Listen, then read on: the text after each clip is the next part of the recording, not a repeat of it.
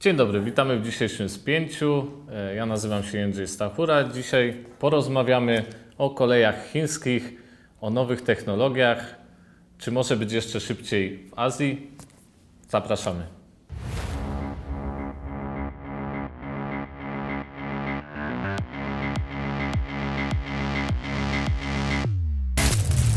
Tak jak powiedziałem we wstępie, dzisiejszym tematem dzisiejszego spięcia będzie kolej chińska.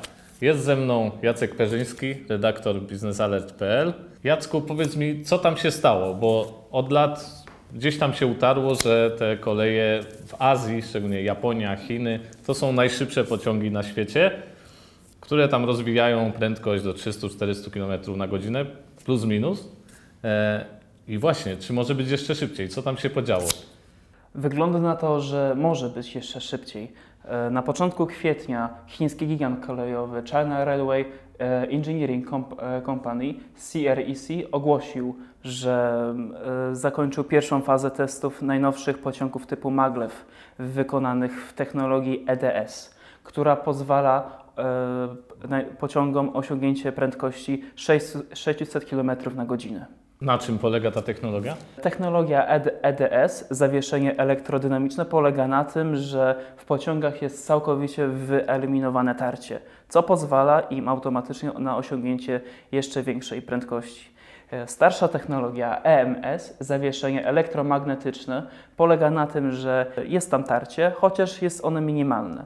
Tu należy zaznaczyć, że technologia EMS jest już w powszechnym użyciu, e, mianowicie w Japonii i w Chinach.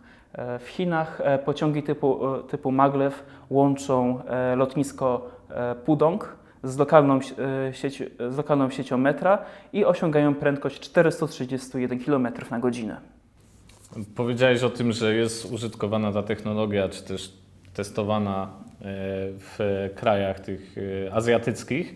A czy może wyjść jeszcze bardziej na, ze, na zewnątrz, do innych krajów, być może gdzieś Afryka, gdzieś E, Technologia EDS nie została jeszcze skomercjalizowana. CREC e, chce, żeby została ona wdrożona e, w 2026 roku. Natomiast wiele krajów e, wyraziło zainteresowanie tą technologią. Chiny rozwijają kolej dużych prędkości w takich krajach jak Indonezja, Iran, Egipt i Maroko. Jednak jest to kolej tradycyjna. Tutaj należy pamiętać, że azjatyckie metropolie mier- mierzą się z przeludnieniem, co wpływa na mniejszą efektywność transportu miejskiego. Pociągi typu maglev wykonane w technologii EDS pozwolą na szybsze i bardziej efektywne przemieszczenie, przetransportowanie ludzi z, z punktu A do punktu B, co automatycznie rozwią- powinno rozwiązać e, plagę korków. Azjatów jest więcej, jak wiemy, niż nas tutaj, Europejczyków. I właśnie oni borykają się z różnymi problemami, których my, powiedzmy, nie doświadczamy lub doświadczamy w mniejszym stopniu.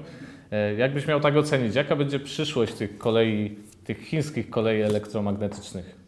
E, Niewątpliwie osiągnięcie e, chińskiego koncernu kolejowego jest czymś spektakularnym. Także należy się spodziewać, że Ch- Chiny przyspieszą swoją ekspansję zagraniczną. Jeśli mielibyśmy to podsumować, to wydaje się, że mm, w porównaniu przynajmniej do polskich kolei, no to y, jakby to powstaje w sferze takich marzeń, gdzieś tam science fiction, że być może nie dożyjemy czasów, gdzie pociągi jeżdżą po 600 km na godzinę, ale oczywiście trzymamy kciuki za polską kolej i polską infrastrukturę. E, Ze mną był Jacek Perzyński. Dziękuję Jacku. Dziękuję. E, Państwa zapraszamy na kolejne spięcia i do sekcji komentarzy też. Być może są jacyś eksperci od kolei, e, w tym polskich. Może jakoś, e, jakaś dyskusja się wywiąże w tych komentarzach. Tymczasem zapraszamy za tydzień na kolejne spięcie. Dziękuję Jacku jeszcze raz. Dziękuję. Pozdrawiamy.